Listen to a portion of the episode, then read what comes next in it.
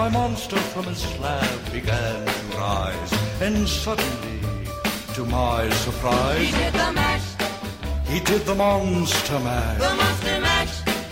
It was a graveyard He smash. did the mash, It caught on in a flash. he did the mash.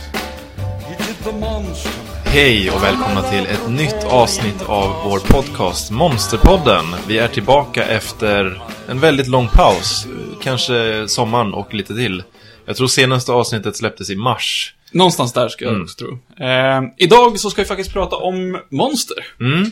Och vi ska prata om eh, monster som härstammar från ett annat land. Ganska långt bort ifrån Sverige och till och med västvärlden. Mm. Ni som lyssnade på förra avsnittet vet ju att vi pratar om nordiska väsen. Så den här gången tar vi en resa österut. Till vilket land då? Japan. Japan. Mm.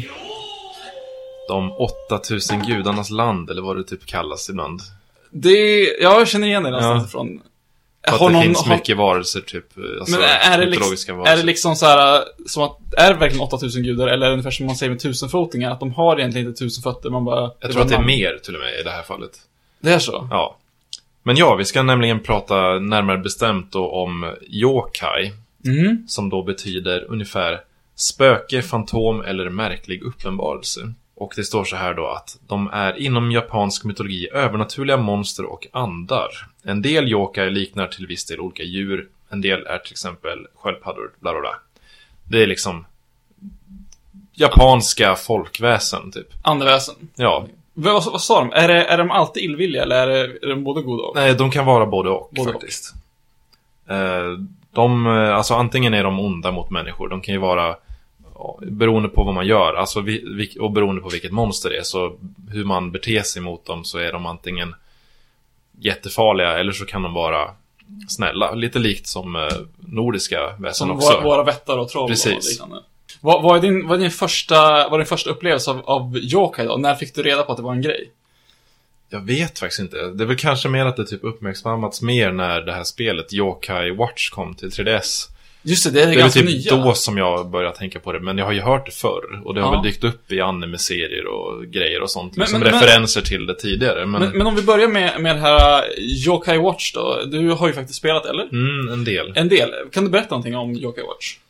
Eh, det är ett spel utvecklat av Level 5. eh, Och eh, det är då en pojke som bor i en liten fiktiv japansk by som hittar en så kallad Yokai Watch. En konstig plastliknande Det, det är alltså som en kl- Yokai-klocka? Ja, en klocka liksom som han kan, med hjälp av den kan han lokalisera så kallade yokais. Okej. Och så går man runt i den här världen och typ eh, fångar sådana här yokais mer eller mindre. Utan, alltså typ pratar med dem och ger dem, man ger dem typ mat och så kanske de blir kompisar med en när man slåss mot dem. Och Det- så har man dem i striden då. Det är lite samma anda som Pokémon har jag förstått. Lite, men ändå inte. Och så går man runt och så är det ofta i storyn att det kanske är någon sån här yokai som... Alltså, man träffar på en person som har något problem i sin vardag. Och då är det ofta då att man ska klura fram vad det är som kan ligga bakom det här. Och då är det ju nästan alltid då någon yokai som har någon speciell funktion liksom i andevärlden. Att den gör att den här personen kanske är, är förkyld eller att den tycker att ja, den inte alls ska vara ihop med den här personen som den är tillsammans med. Liksom, Ja, man... Så, så där har man ändå använt sig utav eh, jag Yokains ursprungsform som en slags andeväsen som påverkar våran vardag. Jo, precis. För vi bör, sägs bör väl att, att eh, yokai, de härstammar från japanska shintoismen och de existerar väl även inom buddhismen, Mm. har jag det som. De här andeväsena. Eh, och just shintoismen är ju en, en religion som är väldigt inriktad på just det här med naturväsen och att, Mm. att hålla sig väl med dem. Där finns det ju att Ja, allt från berg till stora stenar till floder till eh, skogar kan ha så kallade kami Mm. som då är gudavarelser. Och att allting i japansk mytologi kan eh, hålla en, en egen själ och en egen personlighet. Mm. Ehm, och eh, ja, det är det helt enkelt som det är. Just jag vet inte liksom hur mycket det här spelet har att göra med verkligheten, inom, inom liksom, eh, citattecken. Men ehm, jag kan tycka att det är lite så här fjantigt i spelet att det blir som att alla problem man någonsin har i sitt liv, typ skyller man på de här varelserna. Det är aldrig ens själv som liksom de här grejerna kommer ifrån. Det är Utan det är du- alltid en yokai som eh, ens problem härstammar Det, ifrån. det är inte du som måste sluta knarka, det är, det är Jokern som måste Ja men sluta precis, mata det är liksom inte, det är inte så att det är du som har gjort saker som leder till dina dåliga grejer, utan det är den här varelsen som sitter och Ja, förstör. okej. Så det tycker jag är väl lite så här weird. Det, det är faktiskt, min första upplevelse av Yokai var från ett eh, tv-spel. Mm. Ett av mina favorit-tv-spel när jag var liten på vårt Super Nintendo, som vi hade, var ett, eh, närmare bestämt ett som hette Pocky and Rocky. Ja, just det. I Japan känt som eh, Kiki Kai Kai 2. Eh, det släpptes, det uppföljare på ett arkadspel. Eh, och det släpptes 1992 eh, i Japan då. Och eh, ett väldigt färgglatt, vad ska man säga, ett, ett skjutarspel. Man spelar som en, en, en eh, liten eh, kvinnlig prästinna, en shinto-prästinna, som har en kompis som är en, en tvättbjörn. Eh, varför hon har en som en tvättbjörn eh, förstår man kanske bättre om man vet lite bakgrunden vad, vad Tanuki eller den här tvättbjörnen har för roll i japansk mytologi. Men de, de anses ofta ha spirituella eller magiska krafter. Ja. Och det här spelet var ju då fullt utav olika slags fiender som var helt alltså, flippade. Det var allting från eh, hoppande röda geggklumpar till eh, spöken med små sådana här typ hattar och det var eh, Tengus och det var, och Tengus kommer vi prata om, och Mm. så kallade kappas, alltså typ vattenmonster. Eh, jag hade ingen aning vart de här kom ifrån ursprungligen. Eh, jag hade ingen aning, eh, jag visste att de hade någonting med Japan att göra och det var först eh, senare som jag eh, fick reda på att det alla de här kommer och härstammar från riktiga motsvarigheter i den japanska mytologin. Eh, kolla jättegärna upp eh, Pokémon Rocky. Ja, jag blir sugen på att spela det. Jag tror jag har spelat det någon gång på någon Svårt eh, emulator eller någonting. Men, ja. Ja. Eh, så det var min första upplevelse Mm. av eh, Yokai. De är ju ofta som sagt djurliknande, de här. Eh, Det kan vara till exempel Tanuki som du sa, som är en tvättbjörn. Det kan vara Kitsuni som är rävar. Hebi, ormar. Bakeneko, katter. Eh, Och de har lite olika, vi kan ko- komma lite mer till det. Sen är det också, finns det vissa klassiska som är Oni. Alltså typ Mm. mer demonaktiga, typ trollvarelser. Ja, just det. Eh, och de är ofta så här röda eller typ mörkblåa, alltså väldigt starka färger Nej. är de ofta. Och så har de huggtänder och typ ofta något stort vapen. Och ofta har de även typ så tigerpäls som kläder. Ja. Det där är ganska intressant för att det finns lite olika teorier om, om vart de kommer ifrån. Mm. Eh, Oni ursprungligen var ju då illvilliga andar, alltså typ Mm. som var helt rent illvilliga eh, inom shintoismen. Och eh, sen med buddhismens intåg i Japan, runt, man misstänker runt 500-talet, eh, så har bilden av Oni då förändrats och blivit till de här mer Ja, det påminner mer om de klassiska demonerna som Mm. vi, eh, man ser liksom Mm. i tv och film och sånt idag. Eh, alltså, ja, kanske lite också liknande eh, orker i, i fantasy-serier. Ja, just det. Alltså stora med huggtänder, de kan ha tre ögon, de kan ha ett öga, de kan ha eh, horn och som sagt de här kläderna. Eh, en teori om deras bakgrund var att det, det härstammade ifrån någonting som man kallade för The Demon Gate, eller Demonporten. I, eh, jag tror att det är kinesisk arkitektur. Mhm. Eh, som man talar om att den norra ingången på ett hus eller på en byggnad var alltså där onda andar eh, tog in. Mm. Och den här porten var också känd som Oxtigerporten. Eh, och därifrån tror man att den här eh, bilden av Oni och sammanslaget med, med tigern och oxen, de här hornen och den här eh, tigerklädseln kan ha liksom skapat bilden som de använder sig av idag. Mm. Eh, de går ju också alltid, eller oftast som du säger, kring stora vapen, då mycket järnklubbor. Ja. Eh, och det finns vissa talesätt i Japan som, som är eh, Oni med en eh, järnklubba. Mm. Som betyder att någon som är liksom, men, eh, vinner mot alla odds eller någon som är liksom omänskligt stark eller har Mm. fått sin styrka liksom ökad av någonting. Att vara liksom över, nästan övernaturligt stark i något syfte. ja. Jag känner igen, igen dem mest från just Yokai Watch då, där de typ dyker upp på natten och går runt och så blir man jagad av dem och så är de väldigt så här tecknade och väldigt så här typiskt hur de ser ut. Röd och horn och grejer. Ja. De är snygga. Eh, också intressant att eh, med eh, Oni är att man tror sig också att bilden kan ha förts med eh, ända ifrån Indien, just i och med intåget av buddhismen, eh, som då har sin härkomst ifrån Indien och sen Mm. har rört sig via Kina och eh, sen upp via Korea. Mm. Från Korea, när man öppnade handelsvägarna eh, mellan år 300 och 500, eh, tog de med sig de här bilderna som de hade eh, av deras gudaväsen. Eh, däribland fanns det ett, eh, varelser kallade, eh, eh, nu kommer jag slakta det här uttalet, men Raksasa och Yaksha. Hungriga spöken, också kallade Gaki. Och googlar man på de här bilderna så ser man väldigt tydliga likheter med hur, vi, ja, hur man avbildar Oni. Eh, de här väldigt färgstarka liksom, figurerna med de här långa huggbetarna, eh, olika mängder ögon som vi, som vi ser. Och det är en ganska lång resa som den här bilden har gjort i, i sådana fall. Mm. Men det, det är kul att, att se att det finns ett, ett samband där. Ja, just det. Monster. Monster. Monster. Monstret. Det är monstret. Monsterna. Monster. Monster. Monster. Monster. Eh, Min faktiskt favorittyp av yokai, det är just de som kallas för Tsukumogami. Okej. Och det är typ då, alltså det är inte då djurliknande grejer utan det är så att det är vardagliga föremål som typ kommer till liv. Eh, och då finns det till exempel eh, eh, någon som heter Bakisori som är typ det är sandaler, det finns Barabara som är papperslyktor, sen finns min favor- personliga favorit som är Karakasa som då är ett paraply. Just som det. då har typ ett öga, eh, st- stor mun med huggtänder och ofta en lång tunga och så typ har den armar ibland och så har, och står den ofta på ett ben bara. Och eh, vad de liksom kommer ifrån i, vad, vad deras story är, då är det top, så att många sådana här Tsukugam, Tsukumogami, då är det typ att föremålen efter att de har levt i hundra år, levt då, Ja, får de, det är då de får liv liksom. Och de här då, då är det ju gamla paraplyn som man har haft länge som får liv och blir galna liksom.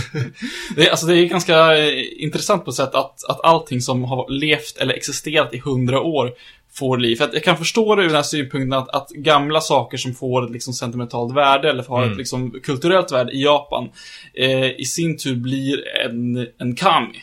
Alltså blir en gudom. Och på samma sätt kan man tänka sig att struntsaker som man inte tar hand om också blir till yokai. Eh, men kan du tänka dig det avsnittet av Antikrundan? När liksom, ja, jag har en antik, ett antikt paraply här. Nej, men det här är bara en förfalskning. Det här lever ju inte. Har ju inga ögon. Mm. Ja, precis. Just de här Truck och Mogami, det finns väldigt så här, egentligen få liksom påstådda ögonvittnen eller typ litteratur eller sånt om dem. Speciellt då just Karakasa vad jag läste. Att de har typ dykt upp, ja men som bara någon sagofigur som, ja men som har gått vidare i generationer och Det någonting- Ofta så, den blir ofta liksom illustrerad och det har levt vidare så att den har Ja. illustrerats om och om igen och ofta så är det tydligen så att barn typ ritar det.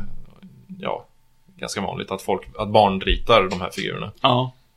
En annan typ är ju då de som kallas för de kallas ingenting vad jag vet. Men det Okej. finns då, eller jag kommer inte på vad de heter, men det är i alla fall sådana som är mänskliga förvandlingar. Det är inte Mhm. djur, det är inte saker, utan det är människor som har blivit liksom förvandlade av olika saker. Okej. Ofta är det då during an extremely emotional state.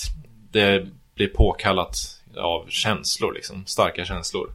Att det är människor som av starka känslor förvandlas till yokai alltså. Ja, precis. Ja. Då finns det till exempel sådana som får typ långa halsar.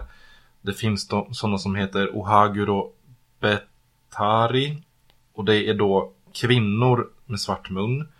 Och det är de, de blir liksom... Jag hade jag det någonstans? Det Det är en sorts kvinna som har kanske... Den blir avundsjuk eller svartsjuk och blir då förvandlad till det här monstret och som försöker döda den som är hotet. Är det den här med långa halsen? Ja, Kvinnan det- med- jätte, jättelång hals. Ja, Det precis. finns väl olika varianter på den. Delvis en som är Där det är alltså ett flygande huvud bara, kvinnans huvud som flyger Mm. och dricker blod. Det finns en liknande varelse i filippinsk mytologi, där liksom hela ryggraden och lungor och sånt följer med. När Mm. flyger av. Men, men det här är en japansk version. Så finns det den här med långa halsen.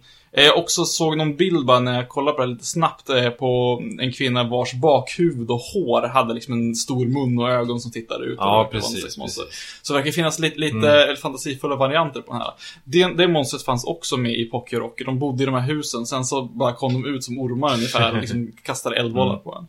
Så att, Ja, det är Ja. liksom intressant att det finns så många olika typer. Det finns det här s- föremålen och så finns det djur som är liksom bara regelrätta monster. Och sen finns det det här att det är människor som blir påverkade av saker som ja. framkallar deras monstruösa sida.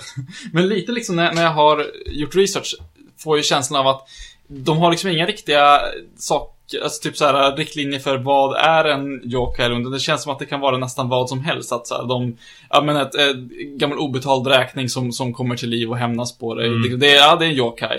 Dina, dina gardiner, om du inte har liksom strukit dem på en, på en eh, timme, ja men då, då, då får liv och det är yokai. Ja, Eh, det, det liksom känns som att, att nästan allting, allt från paraplyer till, till svartsjuka människor till eh, drömätande tapirer liksom. Det är en väldigt, stor bredd och liksom nyansskillnad. ja det är väl de lite så här ganska oklart begrepp egentligen som har dykt upp på väldigt många olika ställen i den japanska historien och litteraturen så. Så det är väldigt så här svårt att härleda vart det kommer ifrån. Mm. Jag har lite så här historiska eh, grejer. Eh, då finns det då en historisk text som heter Ninongo. Från, nej, Sho- Shoku no Ninongo från år 772. Där det då står ett, eh, ett parti där som står Shinto purification is very often performed because yokai appear in the imperial court. Because they very often appear in the imperial court. Okej. Eh, och då ska det här vara någon sorts historisk text då, som säger att... Är det här ja, är det samma som eh, krönikan av Japans historia? Det finns alla möjliga sådana här böcker Ja. så, kring liksom historiska epos och sånt, vad jag Ja. förstått. De fle- flesta referenser jag hittat gällande tid när det kommer till det här har jag hittat ifrån just den, eh, den, den boken som kallas för Japans samlade Mm. krönika. Eh, En som- annan är år 1370. Ja. I boken, nej, tai, Taiheiki, femte volymen. Okej. Som ska, det här ska vara någon sorts historiskt epos. Jag vet inte hur, vad det riktigt innebär, om det är historia fast med överdrivna grejer. Men då Jag, tänker- tänker- fall, jag tänker mig att lite Iliaden, lite Mm. Odysseen, den stilen. och då nämns det till exempel att Sagami no Niado was not at all frightened by yokai. Så det liksom nämns hela tiden. Det finns en annan bok som heter 1700, nej, som, från 1788 som heter Publication Bakemono Ekuhacho. It can be said that the so-called yokai in our society is representations of our feelings that arise from fear. Här börjar det liksom mer, vad ska man säga? Det börjar bli mer, de försöker förklara var de här kommer ifrån, alltså vad, vad grejen är med det. De säger inte att det är på, på riktigt i den här boken kanske, utan de säger att det är någon sorts symbol för känslor och rädsla. Okej. Så det är intressant liksom att det har dels nämnts som någonting faktiskt i historien, Ja. men sen nämns det här då som någonting symboliskt Ja. lite senare. Det, det är alltså sagt lite svårt att, att urskilja liksom vad i, i de här, av de här yokai eh, är faktiskt någonting som man har trott på lite som vi kanske har trott på tomtar och troll och Mm. hur många är renrättiga sagofigurer. Eh, en intressant eh, fakta som jag stötte på här är att eh, en del av anledningen till varför de här yokai har levt kvar i våran tid och varför de liksom blivit populära och varför det finns så, så många också, eh, många beskrivningar av dem är just på grund av att de, de förhöll sig mycket i konsten, speciellt under Edo-perioden Mm. i Japan, där eh, tuschmålare som till exempel Hakusai eh, tyckte det var väldigt, väldigt kul att måla Onis. Eller så var det bara att man fick väldigt mycket eh, beställningar på Onis och Jokai. Det Ja. finns alltså hundratals utav de här eh, väldigt fantastiska målningarna på alla de här varelserna, väldigt fantasifulla. Mm. Och då var det faktiskt så att man eh, inte nöjde sig riktigt med att bara måla jokais som man eh, kände till eller som fanns eh, vittnesmål på. Utan eh, man kände ibland att, nej men jag ska nog hitta på en egen. En egen yokai. Eh, vilket, ja, det som hände var ju att det finns massor utav yokai nedskrivna och beskrivna i, i olika forum. Eh, som är helt och hållet uppdiktade utav konstnärer som ville ha någonting roligt att måla. Jo, jag har också läst det där. Liksom, det är som att vissa har gått långt, långt tillbaka i historien från folksägner och sånt. Men sen är det, som du säger, konstnärer som mer eller mindre bara hittat på för att göra någonting, men egna små berättelser och göra någonting som de kan teckna. Ja, i stort sett. Ja, jag vet inte när Meiji-eran är, men ehm, det var en period då mycket liksom klassisk japansk eh, litteratur såg ners på. Och många böcker och eh, sånger och liknande liksom brändes, brändes då. Jag kan, kan tillägga, Meiji var alltså 1800-talet. Ja. För då, då stod liksom forskning mycket högre än eh, folkväsen och eh, ja men folksagor eh, och sånt. Och yokai och liknande kastades undan för sånt. Men eh, folktron var liksom ändå stark ändå och eh, kulturen levt vidare än, ändå för att Ja men det, det har levt vidare i den folkliga kulturen då med de här berättelserna och bilder och sånt. Så den, på grund av det så lever det ändå kvar. Det, det dog inte ut där, där man kanske hade kunnat tro Nej. när det brändes. Så det var mer fokus på forskning och sånt. Ja. Jag undrar liksom hur, hur, hur stark tron har varit. Om man jämför med våran svenska folktro så känns det som att den har väl avtagit allt mer. Jag vet inte riktigt hur, hur långt man kan, man kan tänka sig att folk faktiskt trodde aktivt på eh, våran folktro. Eh, eftersom att kristendomen ändå har varit där och, och försöka arbeta bort de här, den här gamla Mm. tron. Eh, Medan i Japan har det ändå varit liksom, som en del utav de största religionerna. Att det liksom har följt med både shintoismen och buddhismen som fortfarande än i, idag är, är väldigt stora religioner i, i Japan. Om man jämför med liksom hur många som är kristna i Sverige till exempel gentemot hur många som är, är shintoister eller buddister i, i Japan så tror jag att siffran för buddisterna ligger mellan 30 och 40 procent och övriga i stort sett anser sig vara shintoister. Mm. Så att det är en ganska stor del eh, liksom, men, religiös kultur som faktiskt, som liksom, ja men, de här yokai då följer med. Jo, alltså jag tror väl, det, nu för tiden är det väl inte många som tror på dem, men på samma sätt som att tomtar och feer och Ja. liknande lever kvar hos oss och vi berättar det för våra barn i sagor och liksom vidare, så att de också känner till det, tror jag det är på samma sätt där. Att de fortsätter bara följa med i kulturen till Ja. barnen och så. Som, som jag sa tidigare, barnen fortsätter rita de här paraplymonstren och Fortsätter för att de är spela roliga spel liksom. Och de spelar spel där det finns monster. Och de, får de känner till det. Det dyker upp i anime-serier liksom hela tiden. Och det är kvar hela tiden. Mm. Ska jag ta en, eh, en till yokai? Mm, Eh, Nupeppo. okej. Känner du till den? Nej. Nej. Okej, tänk dig att eh, du är ute och eh, promenerar en eh, väldigt dimmig eh, dag. En väldigt dimmig kväll till och med. Du hör någonting i skogen. Du vänder dig om, men ser inget. Sen känner du en faslig odör. Eh, tittar närmare ut ur buskagen kommer då en stor hög av fetma Mm, med armar och ben. Alltså typ bara en, en stor varelse helt bestående av valkar, skinnflikar med armar och ben. Alltså en, en, en gigantisk sak. mm, Inga ögon, varken ögon eller mun. Någonting, någon form som avliknande ansikte, men som inte riktigt kan, kan utläsas. Och eh, den här förfärliga lukten då blir nästan outhärdlig ju närmare kommer. Det här är alltså Nupeppo, som är en slags, man kan nästan säga det, en, en, en golem. Gjord utav mänskligt kött. mm. Helt och hållet bestående utav av mänskligt kött. Eh, och är dock inte farlig för människor.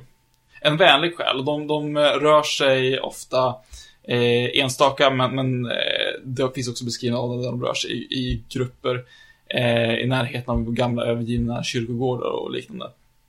En av mina favoriter i alla fall. Bara på grund av den, den helt bizarra idén av liksom den här, en, en, en benlös Mm. eh, kötthög som kommer vandrandes mot dig. Om jag får återkomma till det här med Yokai Watch så tror jag typ en av de första man möter är något liknande. Det var i alla fall det jag tänkte på när du pratade om det här. Ja. Det är liksom en stor, typ lila klump. Och den orsakar att den här huvudpersonens föräldrar typ bråkar. Så jag vet inte om det liksom har någon koppling till den här Ja. figuren. Men den här gör att de bråkar. Att den finns i deras hus gör att det blir en dålig stämning i, i deras eh, liv. Liksom. Okej. Det enda jag kunde hitta utöver det om Peppo var att lite som, som med eh, sjöjungfrumyten så sägs det i vissa fall att om man äter av den här eh, köttet så, så får man evigt liv. Mm. Men eh, mer, än så så eh, står det faktiskt inte om den här varelsen. Nej. Monstret. Monstret. Monstret. Monstret. Monstret. Monstret. Monstret. Monstret. Monster. Tänk dig att du går förbi ett eh, vattenbryn. Mm. Och eh, plötsligt känner du någon, någon klibbig, ganska stel hand som drar ner dig i vattnet.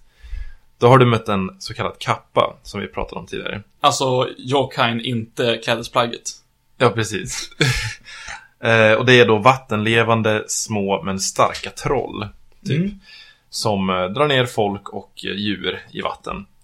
De kan vara ganska artiga, de håller löften, de är liksom trevliga om, om man gör som de säger. Ibland kan de vara väldigt elaka beroende på hur du beter dig. Tydligen så älskar de gurka. Det är en sån här Mm. detalj. Vem gör inte det?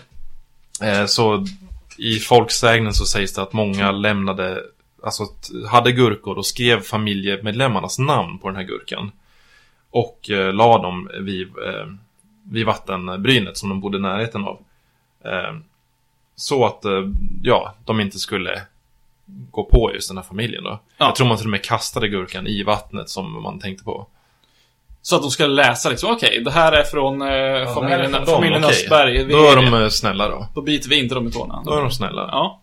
Men, men, inte med, med, med Kappa. Kappa är väl en av de som jag känner igen bäst, eller som jag har hört mest om. Mm. Eh, kanske för att, för att de är de som figurerar mest i anime-serier och liknande tillsammans med kanske Tengu, som vi också kommer nämna.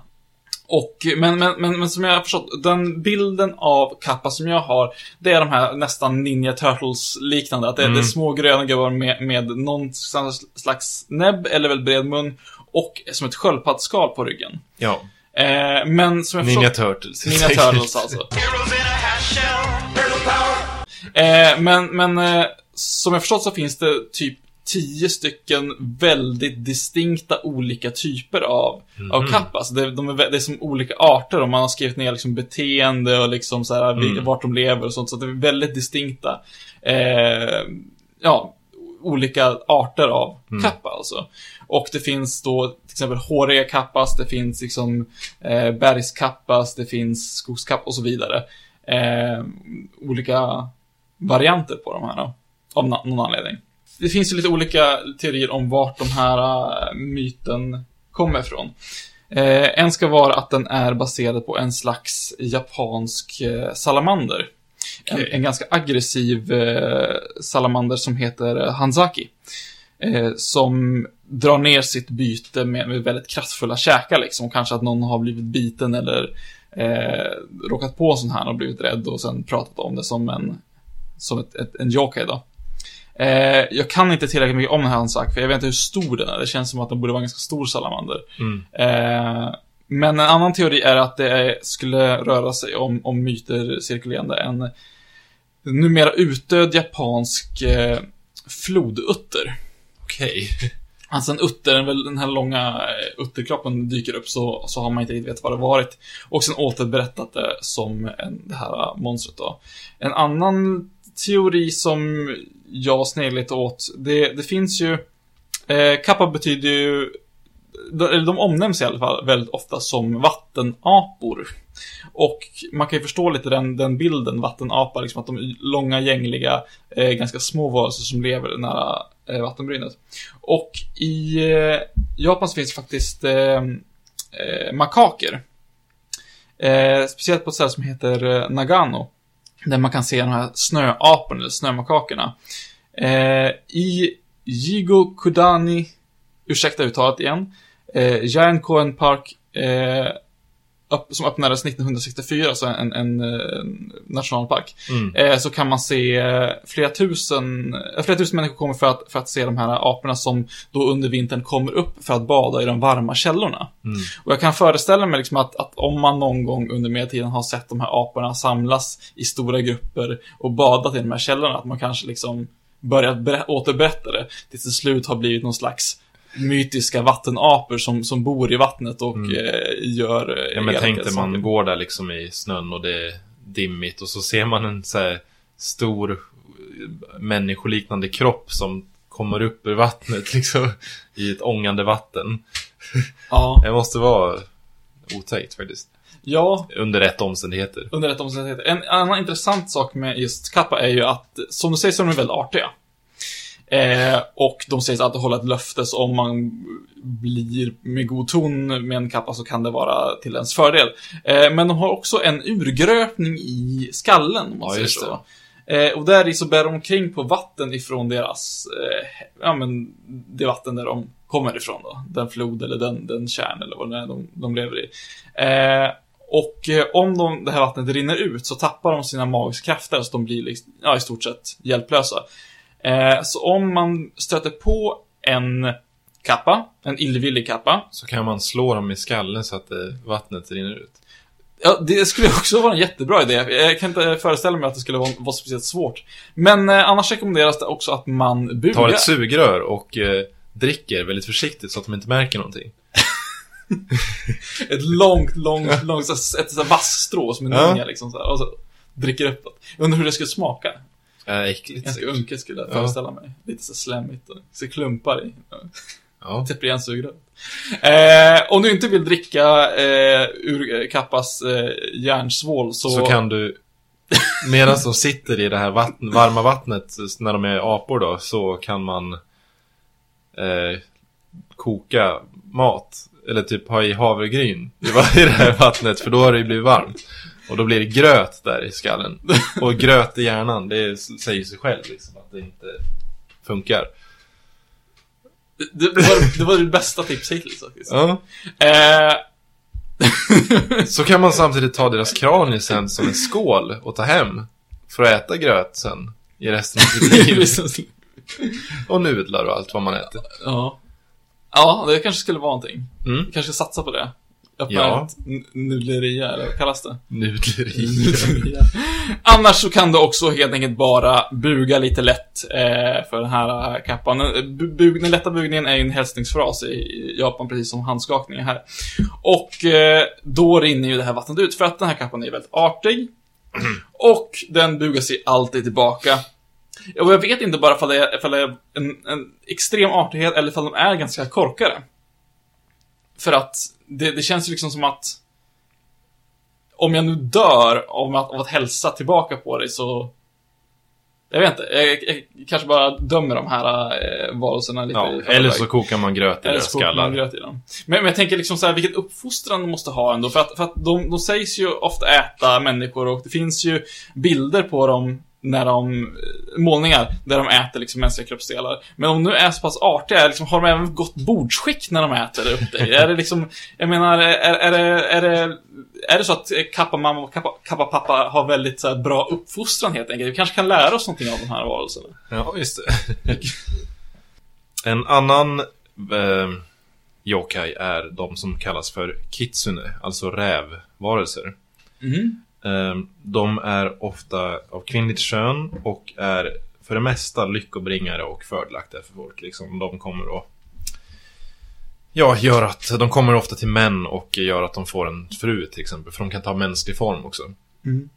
Men sen beroende på hur de eh, hur man har betett sig så kan de ofta då lura sig att gifta sig eh, med, med den här varelsen.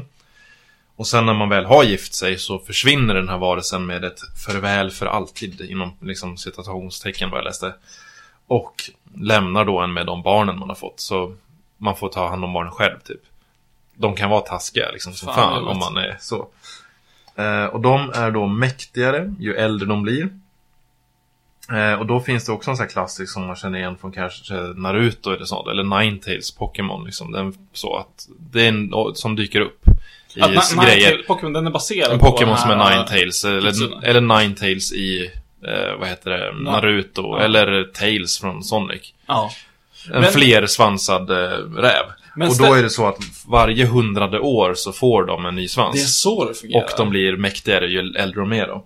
När de är då tusen år gamla, då, det är då de har nio svansar. Och då är de mäktiga som fan och det sägs att de kan bland annat se hur långt som helst med, med sin blick.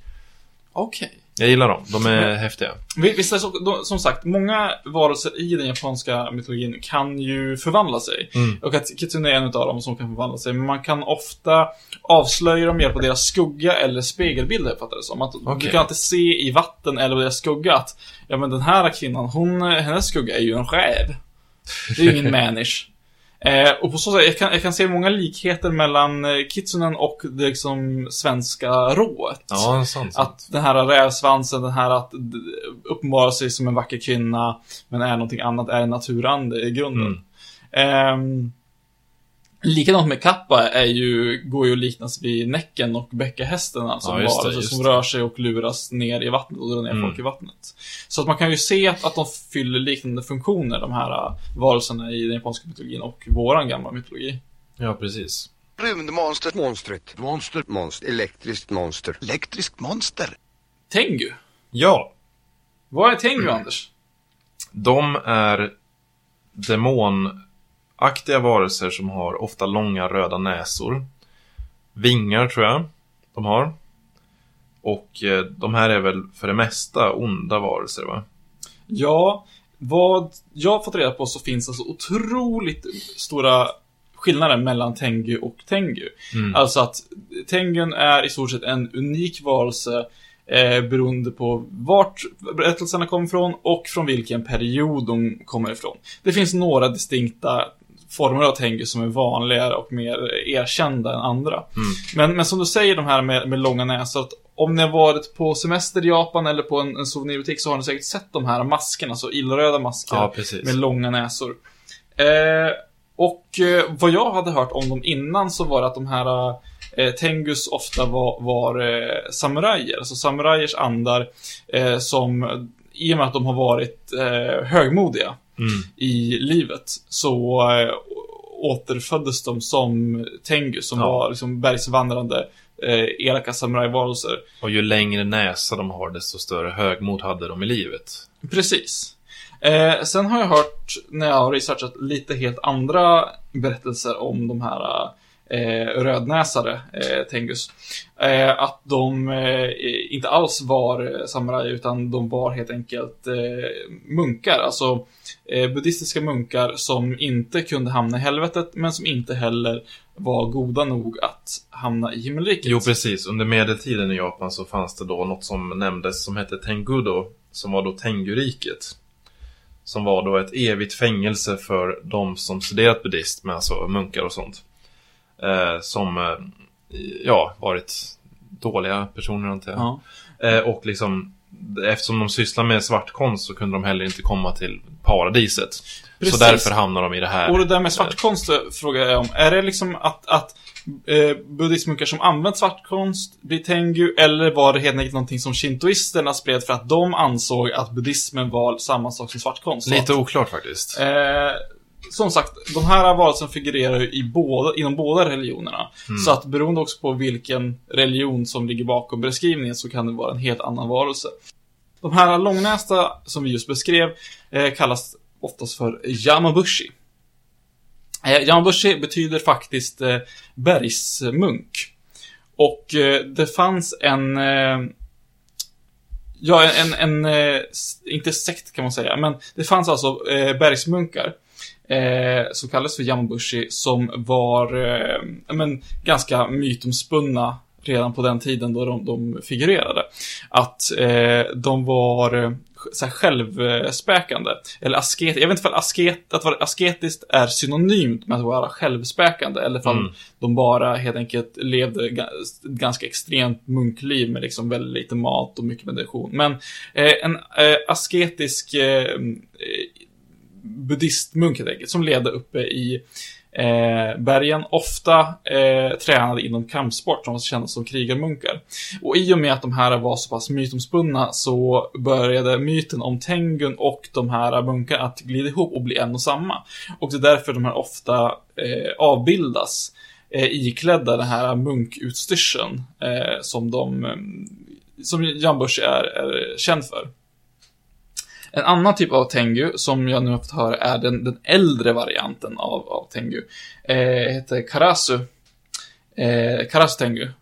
Och är då en, en fågelliknande eller korpliknande varelse som lever i bergen. Alltså en, en, en slags fågel... Eh, vättel, fågeltroll, som liknande då, om man jämför med, med kappan, ett slags, eh, ja, ett slags troll helt enkelt. Mm. Ehm, som ofta var illvillig, eh, som kunde tala utan att röra på munnen, som hade vingar, ofta mörka vingar då. Och som, som gillade att, att lura bergsvandrare. Eh, Ja, de hade ju liksom vingar ofta. Det finns en eh, berättelse ur boken Hihon Shoki, tror jag den heter, från år 634. Där det beskrivs att de hörde ett märkligt ljud som kom flygande genom himlen likt en meteorit. Och då står det att Det är ej en meteorit, detta är himmelsräven Tengu. Så där nämndes det som räv, men så här, ja, det är Ja. ändå liksom någonting Precis, det är den ursprungliga beskrivningen från, från Kina då, där man, eh, det fanns ett fenomen som man kallar för Tiangu. Som då översatt till det japanska alfabetet blev Tengu. Eh, och det här är precis som du skriver, någonting man, man eh, talade om i, i samband med meteoriter och eh, stjärnfall liknande. Att den här svansen då från meteoriten eller från den här kometen som man kunde se eh, liknade en, en rävsvans och man, man såg det alltså som en slags himlavarelse, en magisk himlavarelse som man kallade för eh, Tiangu. Som senare blev de här eh, luft, eh, ja men så här, nå- någonting man knöt samman med luftandar och flygande andar. Så senare blev den här fågelanden eh, Karasu eller Tengu då i, i Japan sen. Eh, de liknar just de här senare, Karasu liknar ju väldigt mycket harpyorna kan man säga i den grekiska mytologin. Mm. Eh, och eh, de säger också att de kan ha liksom kidnappat barn, både barn och vuxna. Och om man åter fann levande eh, efter att ha blivit kidnappad av en, en tengu eh, så kunde man få en slags, inte tengufeber, men en, en slags tengu Denguefeber nästan, låter det som. Ehm, det här kallas alltså för att, att vara gömd av en tengu. Och man kom tillbaka som en apatisk människa. Att man hade svårt att liksom tala och att bete sig liksom bland, bland som, ja, som en vanlig människa igen. Eh, efter att de här hade rövat bort den. Eh, Kuruma Tengu. Som levde specifikt eh, i eh, berget Kuruma, ganska en, en bit norr om Kyoto. Eh, är, det är en slags tengu som då förekommer i en eh, historia där eh, hjälten Minamoto eh, Yoshitsue möter kungen av Tengus, eh, Sojobo, Tengu-kungen. som är en uråldrig eh, vithårig eh, Tengu. Som Mm, då, ja. jag tror lär honom, jag vet inte om det är, är svärdskonst som han lär sig. Eh, men allt som står är att han, han lär upp den här hjälten då, Minamoto Yoshitsue. Och det är de tre eh, är alltså de vanligaste typerna utav av Tengu. Jag associerar liksom väldigt mycket nu när vi pratar om det till de här ap eh, de här bevingade aporna i Trollkarlen från Oz. Ja, just det. Jag ja, tänker mycket på dem liksom när, vi pratar om det. Ja, men det är väl något liknande ändå. Mm. För som jag förstått det så har fortfarande de här Tengu-varelserna armar och ben och händer. Det är inte som att de är hälften fåglar och hälften eh, människor, utan något slags mellanting. Och att de kan Ja. liksom växa fram vingar efter behov. Lite grann. Kolgamonstrens, Sorgoramonstrens, Borgomonstrens, Folgamonstrens. Vad tycker du om yokais, Fredrik? Eh, personligen tycker jag att de är eh, rätt fantastiska. Mm. Eh, de har växt på mig och mycket är det just på grund av den här bildkonsten. Det finns många olika varianter av dem. Och att den här färgglada Oni och Mm. alla liksom, ja, men föremål. Det finns liksom inga begränsningar för dem. Man kan Eh. nästan komma och hitta på lite vad som helst. Man kan hitta på en egen. Ja. Ja, men nästan på rak hand så här. Jo men visst. Här har jag ett par solbrillor framför mig liksom. Det kan vara så att antingen kanske inte jag har haft dem på mig jättelänge eh, och har skadat mina ögon och får skylla mig själv. Fast egentligen är det den här som har gjort att jag inte vill ha dem på mig. Och det är yokai. Ja. Eller så blir den förbannad för att jag inte har haft på den på mig och eh, hemsöker mig på nätterna. Ja. Men det känns som att, att alla Joker har någon slags roll att fylla. Så det är inte bara någon, någon sak som bara existerar för att den existerar, utan allting har en plats och ett syfte i de här mytologierna. Och, och alltså, vi har inte ens skrapat på ytan än så länge, utan det finns ju listor på flera hundra olika Ja, yokai-varelser. vi, vi skulle kunna starta Yokai-podden. Liksom, Ja, jag skulle vi, kunna ha vi ett av, avsnitt, avsnitt för varje yokai. Vi skulle kunna hålla på i fem säsonger utan, Mm. utan att ens halvera eh, det utbud som, som finns bland de här varelserna. Eh, en till favorit som jag faktiskt måste nämna är ju eh, en som faktiskt figurerar i en italiensk, eh, nej, eller spansk film. Nu måste jag tänka efter, jag tror att den är spansk. Eh, Guillermo del Toro. Känner du kanske till? Mm. Han, eh, spanjor är han, det stämmer. Och han eh, har gjort bland annat eh, filmen Devil's Backbone, han har gjort filmen Barnhemmet, han har varit med och gjort eh, Hellboy-filmer, jag tror båda i alla fall, eller ja. åtminstone är jag säker på. Och en av hans absolut mest kända filmer heter ju då Pans labyrint. Och säger, ja men vänta ett tag. Pans labyrinten utspelar sig under spanska inbördeskriget och handlar om en liten flicka som heter Ofelia. Eh, som möter på de här eh, magiska varelserna ute i skogen och och får uppdrag för att bevisa sig själv att, vara, att hon är då den här eh, mytiska prinsessan som hamnat i, i det levandes rike. Eh, väldigt, väldigt bra film. Har ni inte sett den filmen så pausa podden nu, gå och se den och kom sedan tillbaka. Ja. Men, där i en väldigt, väldigt känd och otroligt obehaglig sektion så använder de sig av en krita för att rita upp en dörr som öppnar och kommer in i ett slags, jag måste säga, underjordiskt eh, palats. Och där väntar The Pale Man. Mm. Känner du till den här? Ni, ni som, som har sett filmen vet exakt vad jag pratar om. Alltså, det är en, en skinnig, eh, äcklig, stor varelse, eller blek med hudflikar, utan eh, ögon eller liksom näsa eller någonting i ansiktet. Eh, istället så tar den och sätter in sina ögon i handflatorna och ser alltså genom att kolla igenom sina handflator. Mm. Den här varelsen kommer ursprungligen från den japanska mytologin. Jaha. Den här varelsen heter alltså Tenome, eller Tenome. Inte helt säker på uttalet. Eh, och betyder helt bokstavligt ögon på händerna. Mm. Eh, likt som i filmen så är det här alltså eh, varelser som stryker omkring om nätterna och som jagar och äter människor. Och som då liknar män människor, men som man känner igen genom att de tittar genom sina utsträckta händer. Eh, det finns flera historier om de här, men, men en som är lite annorlunda, som är lite speciell, är en, eh, en variant på det här monstret. Eh, som eh, har fungerar på exakt samma sätt. Men eh, istället för att, för att eh, den har ögon i händerna, så tänker jag att du är ute och går i bergen, du är en samuraj, sent en kväll, och du ser en varelse, en blek varelse, längre ut på vägen som kommer närmare. Och när du kommer tillräckligt nära så hör du att den här gör ifrån sig ett isande läte. Böj sig fram på alla fyra, vänder röven mot dig och ur röven tittar ett stort brunt öga. Ja, det är för jävligt. Det är alltså en variant på, på Tenome som blivit väldigt populär. Det finns som sagt en återberättelse av den här äh, rövöga-versionen. Eh, huruvida den här ursprungligen var gjort som ett slags skämt för att driva med den här mytiska figuren, eller om det var en, en seriös berättelse, vet jag inte. Men konstnärer har ju tyckt att det här var otroligt roligt att åter, återbilda. Så att, så att Vem skulle inte tycka det? Var... Go googlar ni på det här så får ni, jag vet inte, kanske olyckligtvis, väldigt många eh, välarbetade illustrationer på de här. Eh, eh, googla på brunöga. Brunöga. Så att, eh, ja, det, det är väl av de mer fantasirika. Gör inte det förresten. Nej, Googla gör inte inte på brunöga. Vi, vi, vi tar inga, inget ansvar för vad ni hittar när ni googlar eh, saker från Monsterpodden.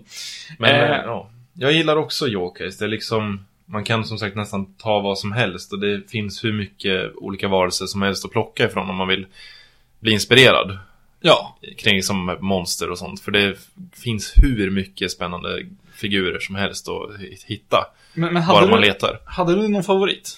Ja, det var väl den här paraplyen mest för att eh, jag tycker de illustrationer jag sett är väldigt balla och bara tanken om jag ska föreställa den i huvudet är väldigt ball. Ja. ja min, en av mina favoriter kommer i och för sig, det är ingen riktig Yokai, den kommer ju från, från Yokai Watch, men det är ju den här eh, rövansiktet. Eh, att ansiktet är en stjärt Mm. och där munnen ska vara det liksom. och så fiser den i munnen. Ja, det är bra. Den, den finns på, på riktigt i Yokai Watch. Spelar i spelet. Spela. Det är ganska bra. Eh, andra, om man ska kolla lite på vart eh, vi kan se, alltså i populärkulturen, vart de finns någonstans nu för tiden. Så har vi bland annat eh, i animefilmer så som eh, Hayao Miyazakis eh, Ja, filmer. de dyker ju upp mycket där. Studio Ghibli-filmer och så. Ja, eh, många Studio-filmerna cirkulerar ju kring Shinto-tron då. Mm. Och eh, han har gjort många fantasy-liknande filmer som innehåller just yokai och, och kamis. Eh, bland annat där så har vi ju kanske den, den eh, som kommer närmast yokai är ju Mono, Mononoke Hime.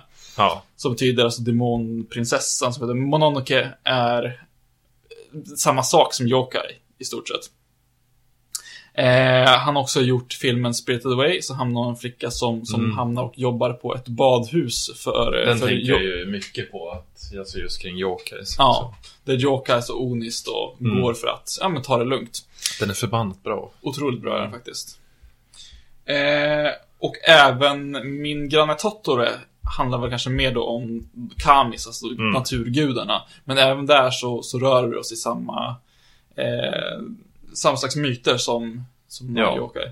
Märkliga varelser som finns ute i naturen som kan Ja, vara fördelaktiga för de som stöter på dem ibland. Ja. Eh, det finns också en... Eh, har du läst mangaserien eh, Triple X Holic? Nej. Du har inte läst Triple X Holic? Nej. XXX Holic. Det, det är en mangaserie och jag tror även en anime utav eh, Clamp som har gjort bland annat eh, Showbits. Fyll gärna på om du kan. De har gjort massor av saker. De har gjort Ja. Saint Seiya också vet jag. Showbits läste jag och det var liksom Showbits var den första jag kom på. Men Ja. Saint Seiya har vi och vi har också Är det de som ligger bakom Saint Seiya? Den Ja. är gam- väldigt gammal. Ja, det är den verkligen. Och Tsubasa. Tsubasa och den här Mm. Triple X Holic då utspelar sig i... Ja, de, de, de serierna sitter ihop med varandra. Men Triple X Holic handlar alltså om en kille som börjar jobba hos en häxa. Och där får han uppdrag som, som rör yokai, alltså att, Mm. eh, att, att fixa saker som rör andvärlden och hjälpa andarna och hjälpa människor som Mm. har hamnat i trubbel med andarna. Eh, jag tycker det är en, en väldigt trevlig serie och jag rekommenderar den om ni har lust att, att läsa någon serie som, som gör yokai. En jag tänker på är anime-serien eh, Monogatari. Eh, så det finns massa olika uppföljare. Jag har bara sett Backe Monogatari, den första. Mm. Som handlar om en eh, kille som är typ halvvampyr tror jag. Okej. Och han stöter, om, stöter eh, på massa, typ ofta tjejer då, eh, i sin, i sta- stan då som har något sorts problem och det visar sig alltid att det är att de är andar på något sätt som Ofta är det då som sagt att de, ham- att de har någon speciell grej som gör att de stannar kvar eller liksom de, någonting specifikt som påverkar omvärlden. Den är väldigt bra, jag kan rekommendera den. Man bör vara sjukt koncentrerad när man tittar på den, för de pratar så hiskeligt mycket och då är det ju text liksom, så man får läsa snabbt om man ska hänga med. Och det är mycket så filosofiska diskussioner och sånt, så det går, det går väldigt snabbt, men den är väldigt bra. Det är en annan Och den är, ja, den är Ja. sjukt snygg också. Ja. En annan väldigt bra, som, eller en, en väldigt trevlig i alla fall, eh, heter Natsume Yojinju. Eller Natsumes Book of Friends, tror också kallas. Om en kille då som ärver en eh, bok med, eh, med Jokai, alltså demonens namn, eh, av sin mormor tror jag. Och eh, han får hjälp utav en, eh, en kattdemon som heter eh, eh Neko Sensei. Jag vet faktiskt inte riktigt vad han heter. Men han får hjälp av en, en, en kattdemon alltså att eh, leta reda och, och, och nej, men, åtgärda problem som orsakats av Jokais. Ja. I, I skräckfilmen har jag mindre koll, men under en period så eh, bland anime-fans och liknande så blev det eh, en, eh, kom en skräckfilm som blev väldigt populär. Eh, det är inte en anime utan en, en spelfilm då. En japansk eh, skräckfilm som heter eh, Noroi, eller ja, Noroi, jag vet inte hur det uttalas på japanska, men på engelska heter den The Curse.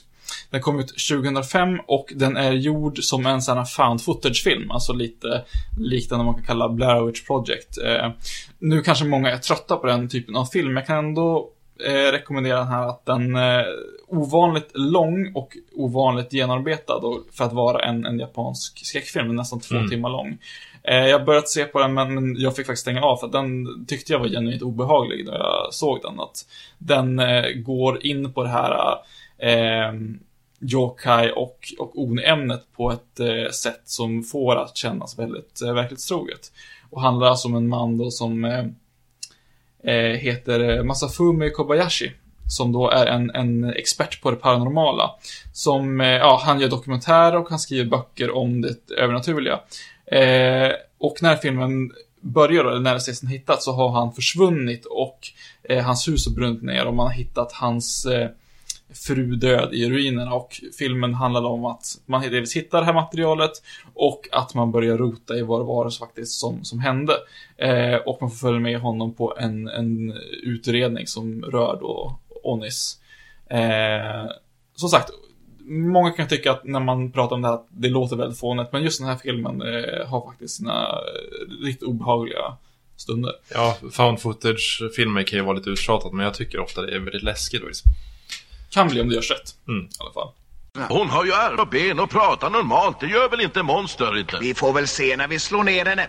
Jag tycker verkligen att det är någonting speciellt med den japanska mytologin och de här äh, varelserna. Eh, som jag tidigare nämnde så har ju Japan varit en smälkdegel både genom att man har importerat kultur ifrån Kina långt, långt tillbaka i tiden.